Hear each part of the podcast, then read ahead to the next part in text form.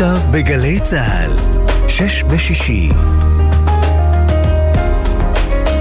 הבית של החיילים, גלי צה"ל.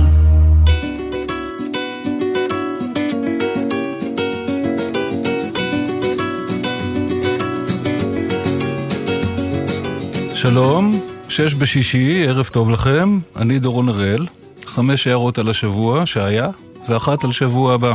שנתחיל.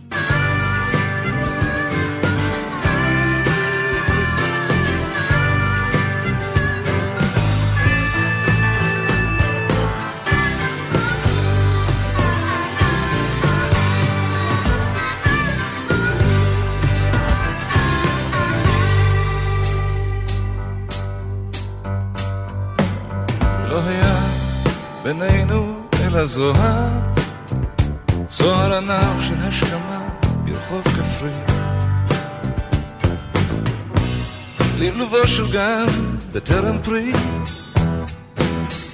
ולא בלתי פרחתו יפת התואר, ומה מאוד צחקת באומרי, כי אל השחר הענוג גברת. אקרא ואכתבנו למזכרת, ואשמרנו בין דפי ספרי. ואשמרנו בין דפי ספרי. את צרועך נשאת התזכור, והנידות את ענף תפוח. ועל ראשי ירד מטר צחור, מטר צחור. מאחורי גבך הכפר נאור, החלונות נצטלצלו עם רוח, ולא היה בינינו אלא אור, אלא אור,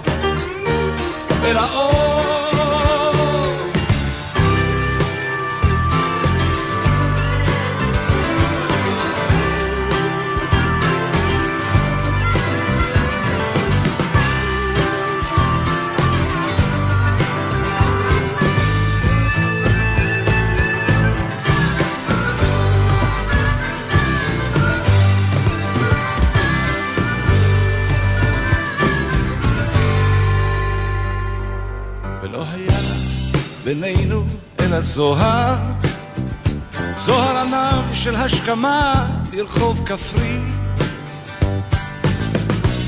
ולבלובו של גן בטרם פרי, ולובן תפרחתו יפת התואר, ומה מאוד צחקת באומרי,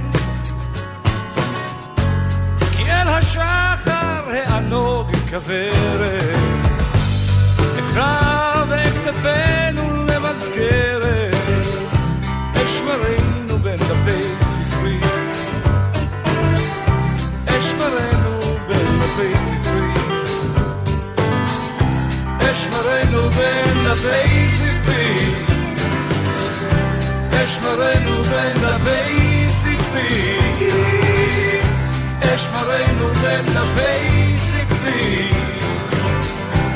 אשמרנו בין דפי ספרי.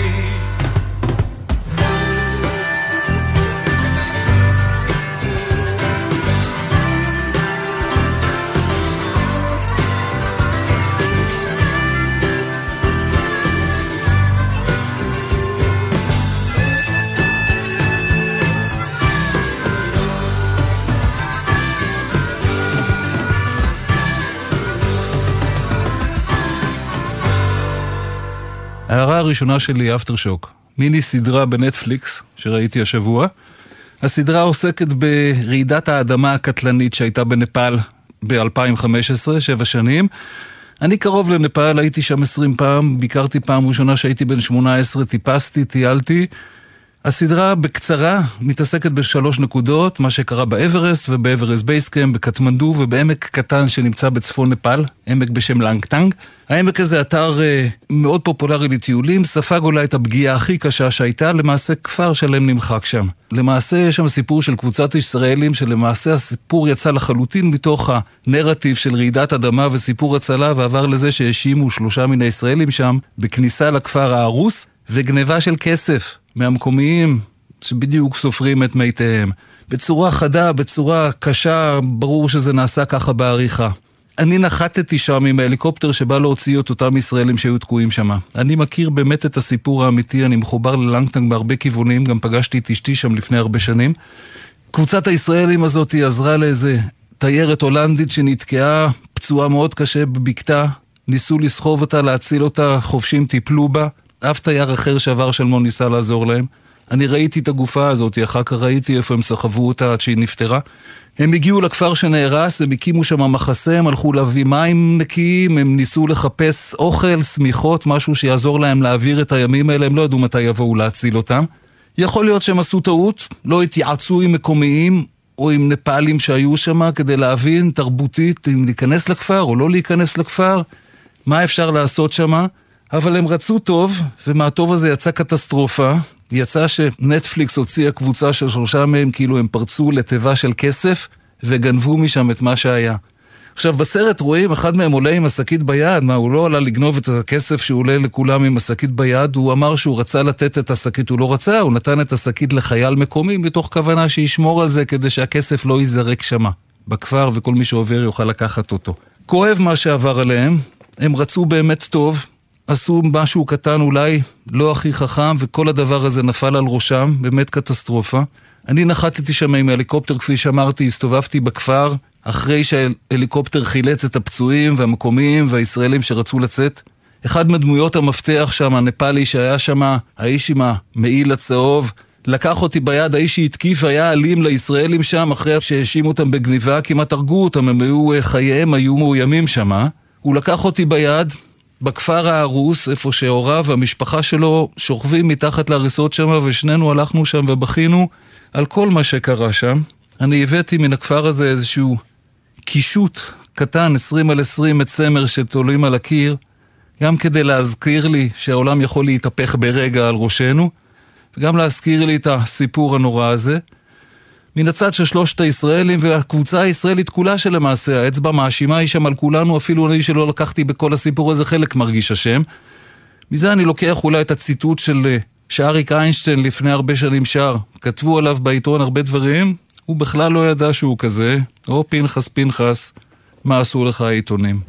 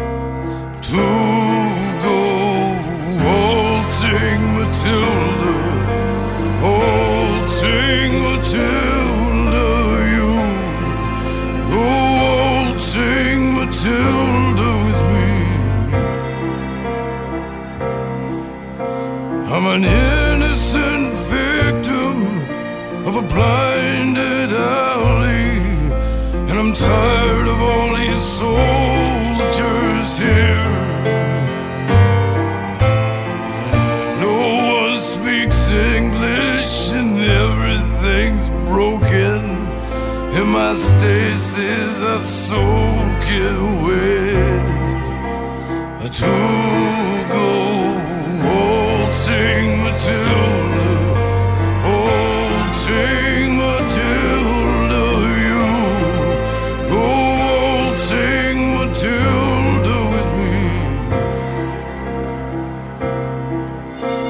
told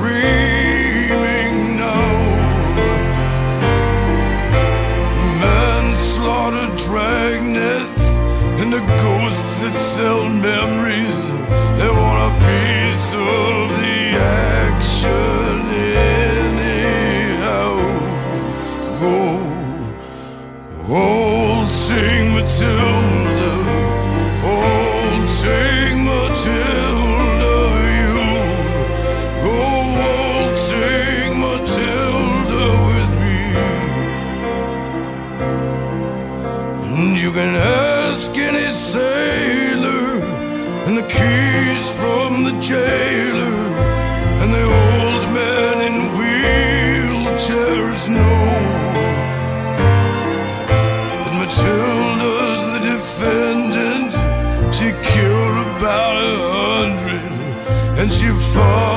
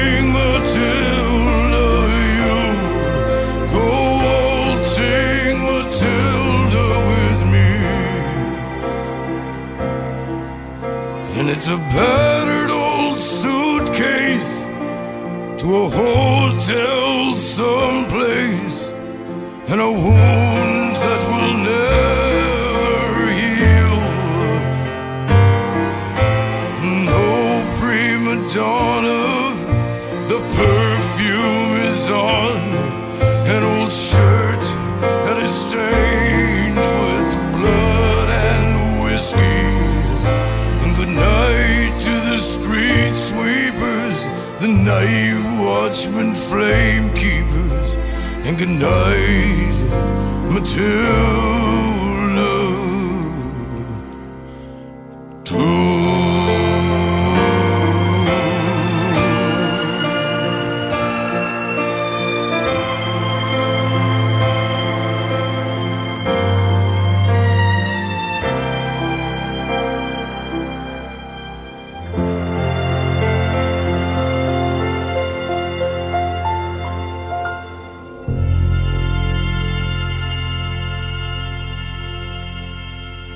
התחממות גלובלית, או אטמוספירה יוצאת בשיווי משקל.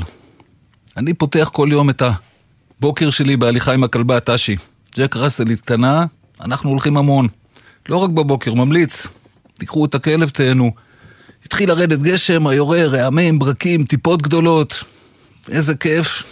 את הגשם תן רק בעיתו, היורה הגיע, בזמן הפעם. איזה כיף הגשם הראשון אחרי כל כך הרבה זמן של עם כל הצהוב הזה והיובש מסביב. אבל זה שהשנה יורה בזמן לא אומר כלום, הכל משתבש מסביב, אנחנו רואים את זה. אנחנו כאילו מתנהלים כרגיל, אבל אתה כבר לא יכול להיות בטוח כלום ממזג האוויר, מה הוא יעשה. כרגיל יש חלקים בעולם שחוטפים יותר מאחרים, בדרך כלל החלקים העניים. אזורים אחרים ביניהם אנחנו בינתיים משקיפים על כל האסונות האלה של האחרים מרחוק, חוטפים בקצוות. זה לא יישאר שם כנראה. נראה שההתחממות הגלובלית היא הדבר הדרמטי ביותר שהאנושות תתמודד איתו בהיסטוריה הקצרה שלה. זאת לא מגפה או מחלה שמכות uh, באזור מסוים, בזמן מסוים, ועוברות מהעולם אחרי שבועות, חודשים או שנים. זבנג וגמרנו. העניין עם האקלים הוא פה להישאר. להישאר ולקחת כנראה חלק גדול ויותר מתשומת הלב שלנו, בין אם נרצה בזה ובין אם לא נרצה בזה. שלושה דברים מפחידים ככה משתלבים בזמן שאנחנו uh, מוציאים את האטמוספירה היקרה שלנו משיווי משקל. קודם כל זה תהליך שמאיץ את עצמו, פחות קרח ושלג, גז מתאן משתחרר עם הפשרת קרקעות קפואות, שריפות ענק בגלל היובש. דבר שני זה שכל מחקר חדש בנושא מגלה שהכל קורה הרבה הרבה יותר מהר ממה שחשבו במחקר הקודם. אנחנו לא באמת עושים הרבה בינתיים כדי לטפל בעיה, בבעיה הזאת, זה הדבר השלישי, אנחנו למעשה לא עושים כלום. האטמוספירה הייתה בשיווי משקל מאוד עדין במשך תקופה לא כל כך ארוכה, נתנו לה דחיפה, ומראש הגבעה הכדור הזה התחיל להתגלגל. לא נהוג לדבר על קטסטרופות uh, סביב שולחן האוכל המשפחתי. קשה לקחת החלטות עם רציונל שמשהו גדול ורע הולך לקרות. אבל אני בן לניצולי שואה, בשני הכיוונים. הבנתי שליד הדלת צריכה להיות מריצה מוכנה, ומטבעות זהב תפורות בכיסים. יכול להיות שמחר נצטרך לברוח לנמל. אי אפשר להתווכח עם ניסיון של שני הורים אצלך בבית. מאה אחוז אצלם, ככה זה קרה. אז לפחות בכל קיץ אני נמלט למקום נידח בערים בקנדה, חי במקום שהשכן הקרוב ביותר שלי נמצא 50 קילומטר, ורואה איך גם שם הדברים משתנים בקצב מפחיד. קרחונים נעלמים, נמסים, מפלים שבן לילה נעלמים מן המקום ולא מופיעים שם יותר, אגמים שמשנים כיווני ניקוז. אני מנסה לעשות משהו בכוחותיי הדלים, מייבש כביסה בשמש, מה אני כבר יכול לעשות? רציתי לשים פאנל, פאנלים סולאריים על הגג, חברת חשמל זה לא מסתדר לה כל כך.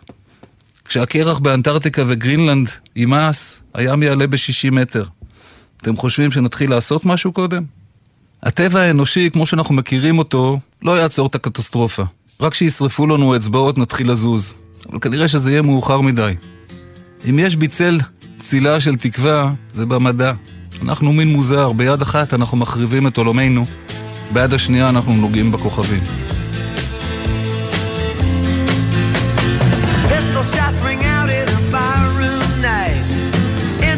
Valentine from the upper hall.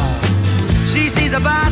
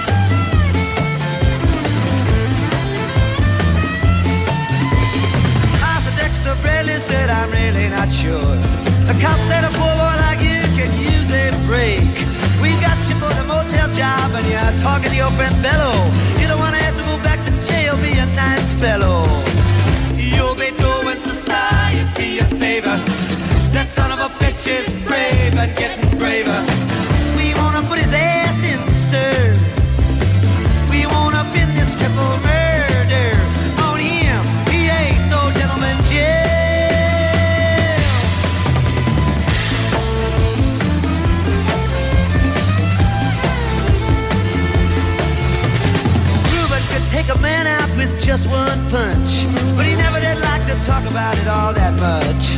It's my work, he'd say. I do it for pay. And when it's over, just as soon go on my way up to some paradise where the trout streams flow and the air is nice, and ride a horse along the trail. But then they took him to the jailhouse where they tried to turn a man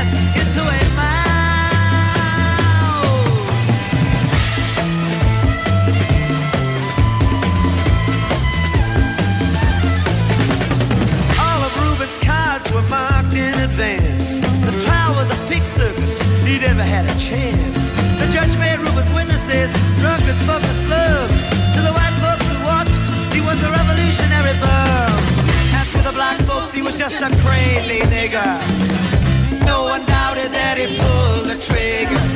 And though they could not produce the gun, the DA said he was the one who did the deed, and the old jury agreed.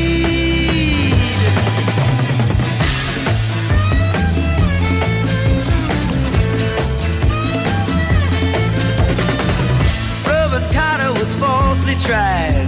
The crime was murder one. Guess who testified? Bellow and Bradley, and they both all they lied. The newspapers, they all went along for the ride. How can the life of such a man be in the palm of some fool's hand? To see him obviously framed couldn't help but make me feel ashamed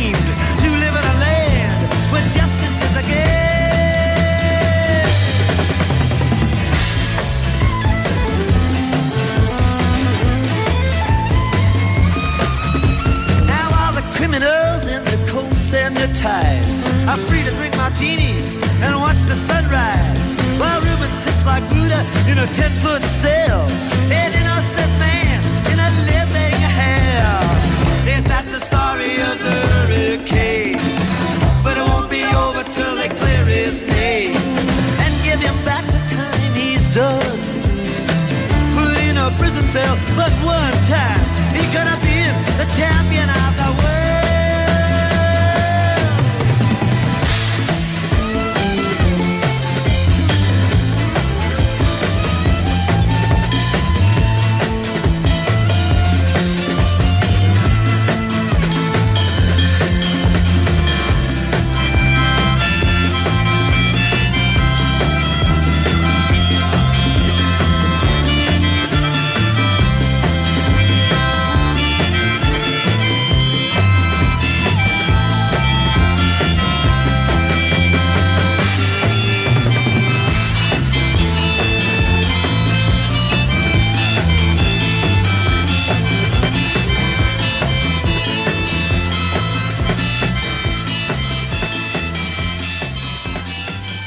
חרדים לבטלנותם. מדי פעם נפלטת איזושהי אמירת שפר ממנהיג חרדי. אנחנו זוכרים את הרב פרץ, שר הפנים אז מטעם ש"ס, על אסון הבונים ב-85. 22 איש נהרגו מהם 19 ילדים. מה שהיה לו לומר על זה כמובן שזה בגלל שלא שמרו שבת. חילוני מת הוא לא שומר שבת, חרדי מת, צדיק שאלוהים צריך שיעזור לו. מעניין איך הולכת החלוקה בשואה על מיליון ילדים. למשל, אצל אמא שלי ואבא שלי יש הבדל, אמא שלי משפחה חילונית, אבא שלי דתית. מעניין.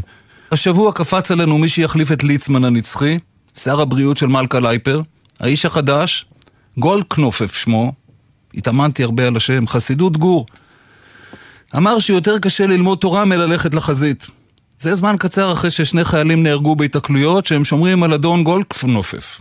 הוא אמר להם, עזבו, הוא אומר למשפחות, עזבו עם הקוטר שלכם. תאמינו לי, ללמוד תורה הרבה יותר קשה, הוא נתן דוגמה, נדמה לי, את בנו. גולדקפופף הוא עסקן חרדי, עד עכשיו הוא דיבר פנימה אל החברים שלו. אף אחד עד לא אמר לו שהוא עכשיו הוא נמצא בחזית מול החילונים והוא צריך לשקר. הוא לא יכול להגיד מה שהם באמת חושבים עלינו. טיפ קטן, גולדקנופף, תן לנו טפיחה על השכם, אנחנו גם ככה עובדים בשבילך ושומרים עליך, בוא, תגיד משהו טוב, לא רק uh, לתת לנו על הראש אחרי כל הדברים האלה. האמת שהצלחתם עם העגלה המלאה הזאת שלכם לדרוס את הכל. לא גאווה גדולה העגלה הזאת, תראו מה אתם סוחבים שם, יונה מצגר, חיים ולדר, משי זהב. בין אלימות אנחנו רואים את הבוז והאלימות בין חצרות הרבנים, את מאבקי הכוח והשליטה, הגזענות, בורות. עוד אמירה נהדרת של האדון גולד קנופף, שמתמטיקה לא עזרה לכלכלת המדינה. עזרה גם עזרה, גם לך היא עזרה. אלמלא מתמטיקה לא היינו עושים קצת כסף כדי לתמוך בך. כל קבוצה שלכם עם רשימת הוראות מדויקת באלוהים, מאבקי כשרות, שליטה, כספי מדינה. מה בין זה ללימודי תורה? קרדום לחפור בו עשיתם מהדת. במסגרת האקטואליה האחרונה, אני צריך להיצמד עליה. חסידי גור מכים חברים שעזבו את הכת. אתם עושים כל מה שאתם יכולים כדי למנוע עזיבה, נידוי מוחלט, קריאה על בן שעזב, פוגעים במשפחות, עונשים קולקטיביים, הרתעה. מי עושה דברים כאלה? אתם וצפון קוריאה.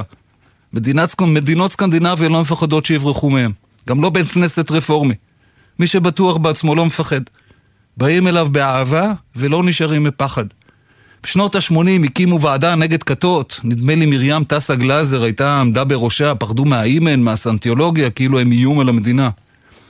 אתם האיום האמיתי, אתם הכת האמיתית. אתם דנים את האנשים שלכם לבורות ועוני, ניתוק מהעולם, אתם מאוד מקשים על העזיבה, כולל אלימות ועונשים, שליטה מוחלטת של החצר. כת. תראה, אני לא היה לי באמת את הכוח להתמודד עם לימוד תורה. התגייסתי לחזית, הייתי בסיירת מטכ"ל. זה מה יש, מה לעשות, אני לא אריה כמוך.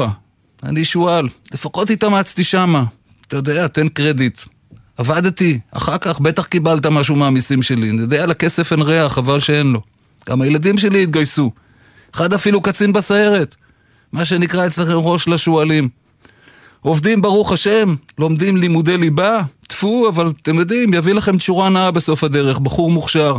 באמת, אנחנו מנסים, אבל כבד לנו לסחוב אתכם. הבעיה של שנינו, שזה לא בר קיימא, ואלוהים כפי שמשפחתי למדה לא מתערב כאן. אתם מיליון שלוש מאות אלף איש היום, עוד עשר שנים תהיו שתיים, כבד לנו. אתם גיבנת שאנחנו לא יכולים להמשיך לסחוב. אנחנו חזקים וטובים ומוכשרים, ואנחנו לא מסוגלים לעשות את זה יותר. Gracias a la vida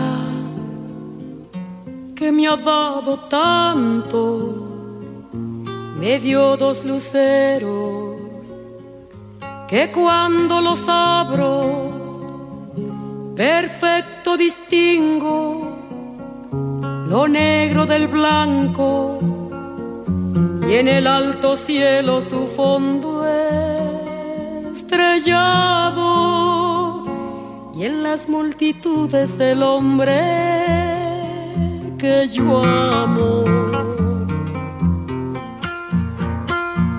Gracias a la vida que me ha dado tanto, me ha dado el oído que en todo su ancho graba noche y días, grillos y canarios, martillos, turbinas, ladridos, chubascos y la voz tan tierna de mi bien amado.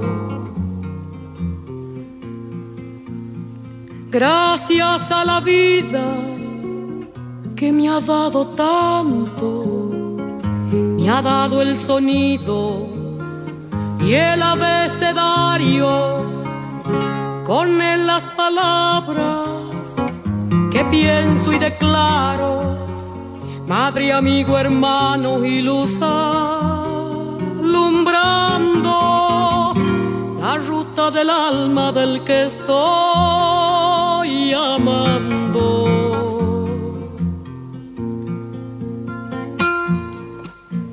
Gracias a la vida que me ha dado tanto, me ha dado la marcha de mis pies cansados, con ellos anduve ciudades y charcos, playas y desiertos, montañas y llanos, y la casa tuya, tu calle tu patio.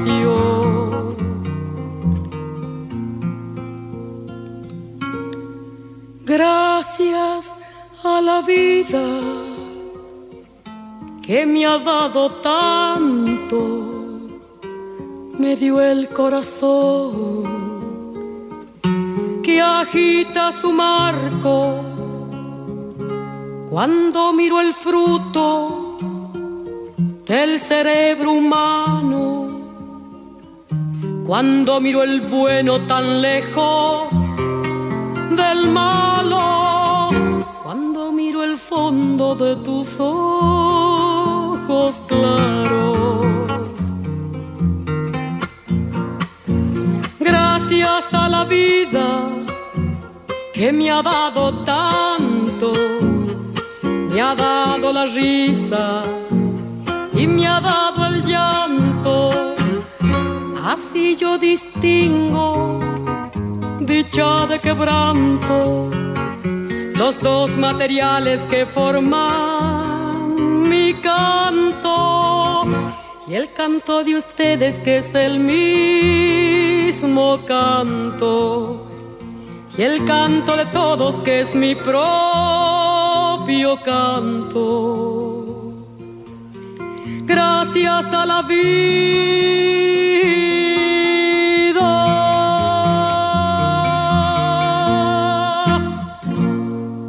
שמונה מיליארד. השבוע הגיע, עוד רגע זה קורה, אוכלוסיית העולם, שמונה מיליארד. אנחנו הגברים אוהבים מספרים, כנראה שככה אנחנו, יותר קל לנו להבין את העולם, אז אני אתן לכם קצת מספרים. כל ההיסטוריה האנושות כולה, לא משנה מאיפה סופרים אותה, מהרגע שירדנו מהעץ, או שהתחלנו להיות חקלאים, עד 1800, מיליארד אחד. אנחנו שתי מיליארד ב-1927. אתמול אימא שלי נולדה ב-1927. אנחנו שלושה מיליארד ב-1960, ארבעה ב-74, חמישה ב-87, שישה ב-99. ב-2011 אנחנו כבר שבעה מיליארד, ועכשיו מספר המזל, שמונה. לאורך חייה של אימא שלי, שתיפדה לחיים ארוכים, מספר בני אדם על פני כדור הארץ הוכפל פי ארבע. מה זה אומר על הדורות הבאים? אלוהים ישמור. עוד משהו לא בר קיימא, כמו גולדקפאפף. ברור שזה לא יכולים להישאר ככה. צפוף, בכבישים, אצלנו במיוחד צפוף. תראו מה הולך כאן. זה לא רק אוכל, בינתיים יש מספיק. רק מה שצפון אמריקה זורקת, אני מעריך שאפשר להכיל את אפריקה. הנדסה גנטית תעזור. אבל כמו כל האסונות, זה הרבה דברים שיעצרו את העסק יחד. זיהום בקנה מידה ענק, עיבוד קרקעות, היערות שאנחנו שורפים, הזבל שאנחנו פולטים. יחד עם כל האתגרים שהאקלים מביא, שכחנו כמובן את המלחמות, סתם ישנות וטובות. כל אלו יחד, כמה נוכל להיות כאן? אלוהים גדול. העקומה תשתנה, זה בטוח, היא לא יכולה להמשיך בצורה כזאתי. איך היא תשתנה? מתי? תתיישר? תרד במתינות? תצנח? הגבלת ילודה תגידו? טאבו, חסר סיכוי, גם אני לא הייתי רוצה שיגידו לי כמה ילדים לעשות.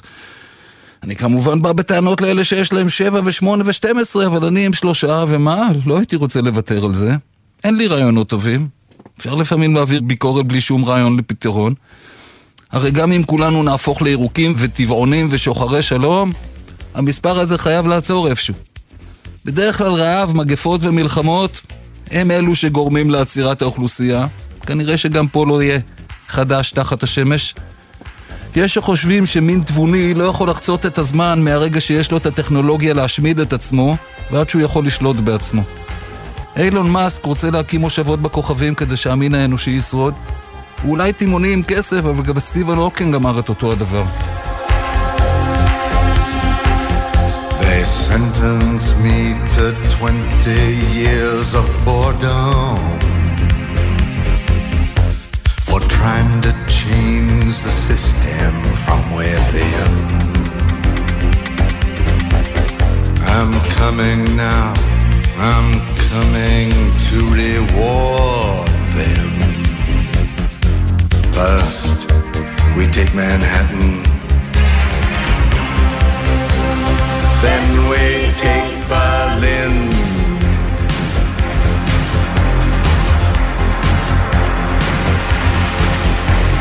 Guided by a signal in the heavens. I'm guided by this birthmark on my skin. I'm guided by the beauty of our weapons. First,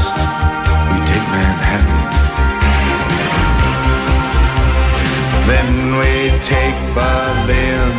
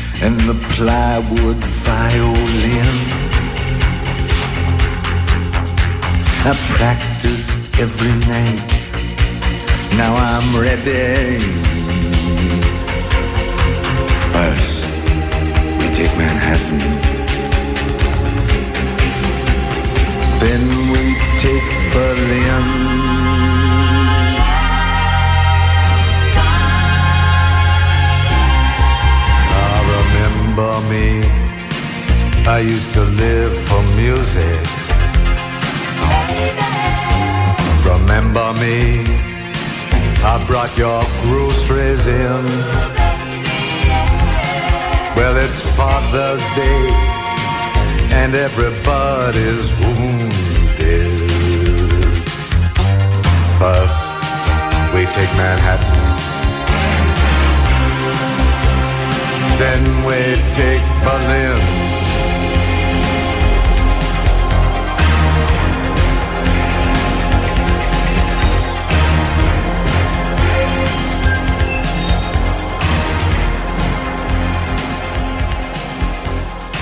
קשיים של שמאלני בארץ, לא מה שחשבתם. בעקבות האמירה של חברת הכנסת תומא סלימאן שהפלסטינאים שנהרגו בשכם הם שהידים. תראו, קשה להיות שמאלני פה בארץ הזאת, כולם יודעים את זה. בעיני אחינו היהודים אנחנו בוגדים, עוכרי ישראל, אשכנזים, או כל קללה אחרת שתרצו. יש בעיה נוספת שלא מרבים לדבר עליה בחוגים השמאלנים האלה שלנו, שאנחנו יושבים שם וזוממים מזימות. הערבים. רובנו מחזיקים בדעות ליברליות, מאמינים בזכויות נשים ולהט"בים, וכמובן רוצים להאמין בשלום. המילה הזאת, שפעם דיברו עליה. אבל אצל בני דודינו, אנחנו מוצאים חברה שוביניסטית אלימה, ששבויה ברטוריקה מתלהמת ומסרבת לכל פשרה. יחס מחפיר ללהט"בים, יחס מחפיר לנשים.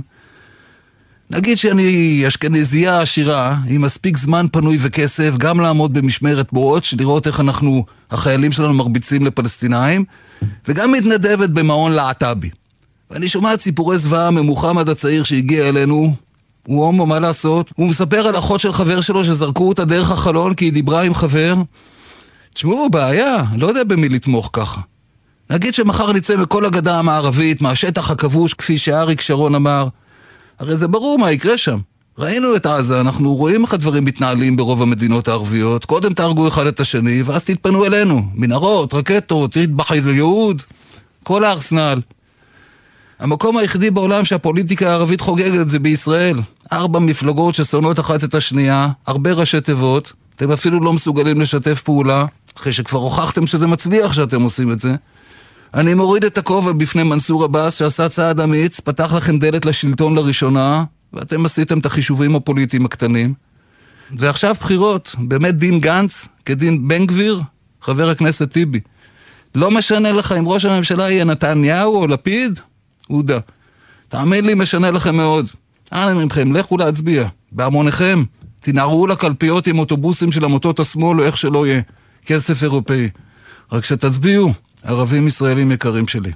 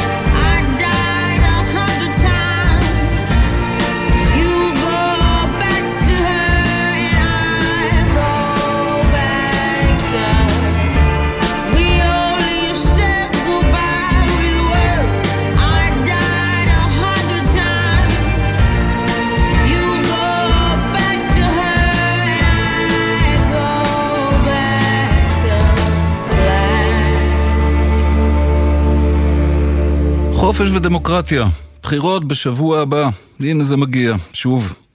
פחות מרבע מהאנושות זוכה במאות בודדות של שנים לחופש אישי, שוויון ודמוקרטיה. גם אלו ברמה כזו או אחרת. באמת מצרכים נדירים ביותר, שהייתם מאמינים שמי שיזכה בהם יעשה הכל כדי לשמור עליהם.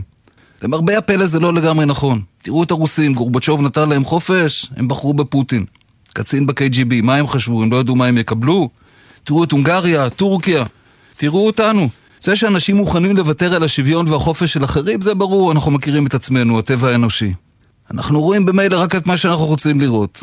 אבל הדרך הזו היא חד סטרית, ומי שמוותר על החופש והשוויון של אחרים, בסופו של דבר גם מתחיל לוותר על החופש והשוויון שלו. אין פה חדש. מעניין שכמה משפחות שבחרו בפוטין מקבלות הביתה בחזרה את הילד בארון ממלחמה הזויה עם האחות אוקראינה. בסופו של דבר נראה לי שכל עם מקבל את המנהיגות שמגיעה לו. עם שמאמין בחופש ודמוקרטיה יזכה בהם, גם אם יעבור תקופות חשוכות. ברוב מדינות העולם דמוקרטיה וחופש אישי הם לא ערכים שמוטמעים בתרבות, לא נלחמים עבורם, נלחמים על עצמאות, על הישרדות, לא על דמוקרטיה וחופש. אנחנו שנולדנו לתוך מציאות יקרת ערך שכזו, לוקחים את זה כמובן מאליו. מפלגות, בחירות, כל אחד יכול לצעוק ולכתוב את מה שבא לו. בעיני אדם ניסיון חייו הוא הנצח, כך היה ויהיה תמיד, אבל ההיסטוריה הוכיחה אחרת, ודמוקרטיה וחופש שבריריים, ומה שעלול להיות הוא לא בהכרח מה שהיה, יכול להיות הרבה יותר גרוע. כל העם מקבל את מה שמתאים לו, אמרנו. בחלקים גדולים בחברה הישראלית דמוקרטיה היא לא הערך העליון, אם זו בכלל ערך או לא קללה. מבחינתי, ואני כמשל, ואני מכיר את סביבתי, אני בוחר בדמוקרטיה. אם לא תהיה פה כזו, לא אשאר. מערכת משפט עצמאית, שומרי סף חזקים, שוויון. בלי אלו, אני מעדיף להיות רחוק מכאן. באותו חלק הולך וקטן של העולם שעדיין הערכים האלה קיימים. אבי, עליו השלום, שאיבד הכל במשפחה, אמר לי שאחרי המלחמה הציעו לו אמריקה. אבל הוא אמר שעם הגויים הוא כבר חי, הוא רוצה עכשיו לחיות בקרב היהודים. יחד עם אמא שלי הם הגיעו עם אקסודוס ונזרקו בחזרה לאירופה וחזרו בדיוק ביום קום המדינה. היסטוריה, נולדתי כאן, סיירת מטכ"ל, גם בני, פטריוט. אבל מצב הרוח קשה. מה שחשוב לי כבר הרבה פחות חשוב לעם שלי. נראה שיהיה עוד פחות חשוב בעתיד. המגמה ברורה, ואצלי כואב הלב.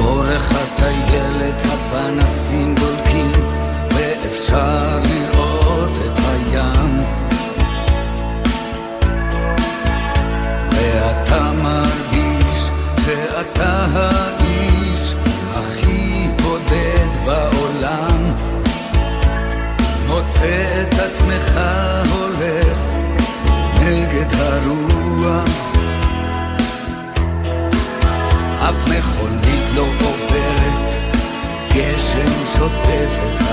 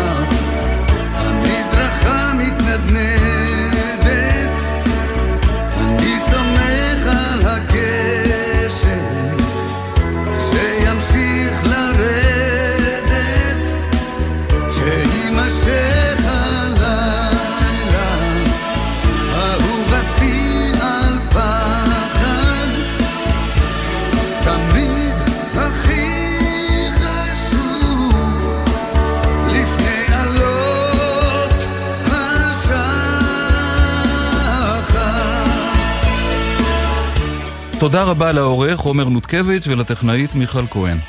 שבת שלום, אחים יקרים שלי. לבושה בשחור, היא הופיעה מתוך החושך. מלכת חלומותיי,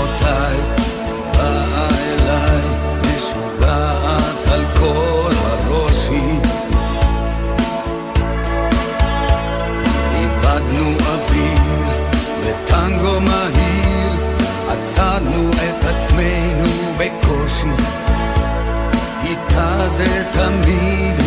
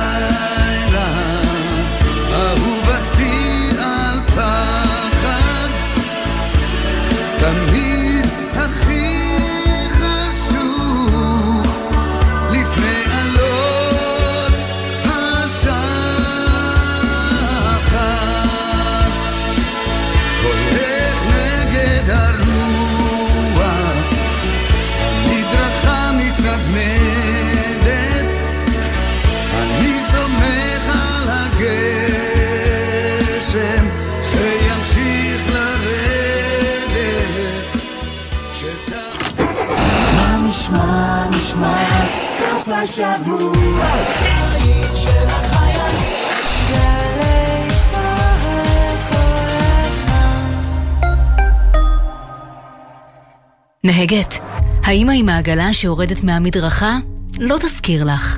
הנער שמתקרב למעבר חצייה עם אוזניות לא יזכיר לך. גם הילד שהתפרץ לכביש בין שתי מכוניות לא יזכיר לך. אבל אנחנו נזכיר לך, כשאת נוהגת עשרה קמ"ש פחות, את עדיין יכולה להגיב בזמן על סכנות ולהציל חיים. זכרו, עשרה קמ"ש פחות, פי שניים סיכוי לחיות. מחויבים לאנשים שבדרך, עם הרלב"ד.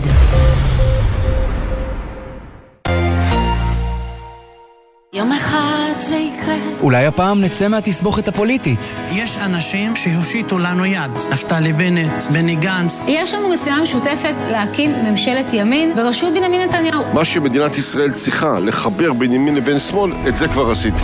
בחירות 2022 בגלי צה"ל.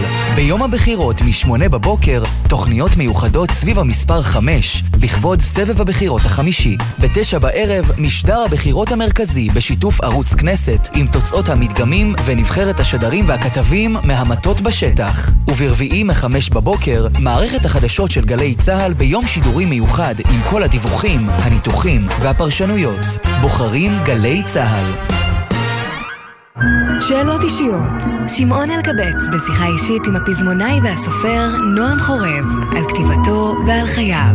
הייתי נוסע בלי יעד, לא הייתי נוסע לאנשהו, הייתי שם פוליקר, עברי לידר. אני אמרתי, רגע, רגע, הנה, גם הם מרגישים ככה, והם גם כותבים על זה. אני לא לבד בסיפור הזה, יש עוד אנשים שמרגישים בודדים, אחרים, מוזרים, לא שייכים, וזה ממש הצליח לתת לי נחמה מאוד גדולה. באמת אני הבנתי שאני לא לבד. מחר, שמונה בבוקר, גלי צה"ל.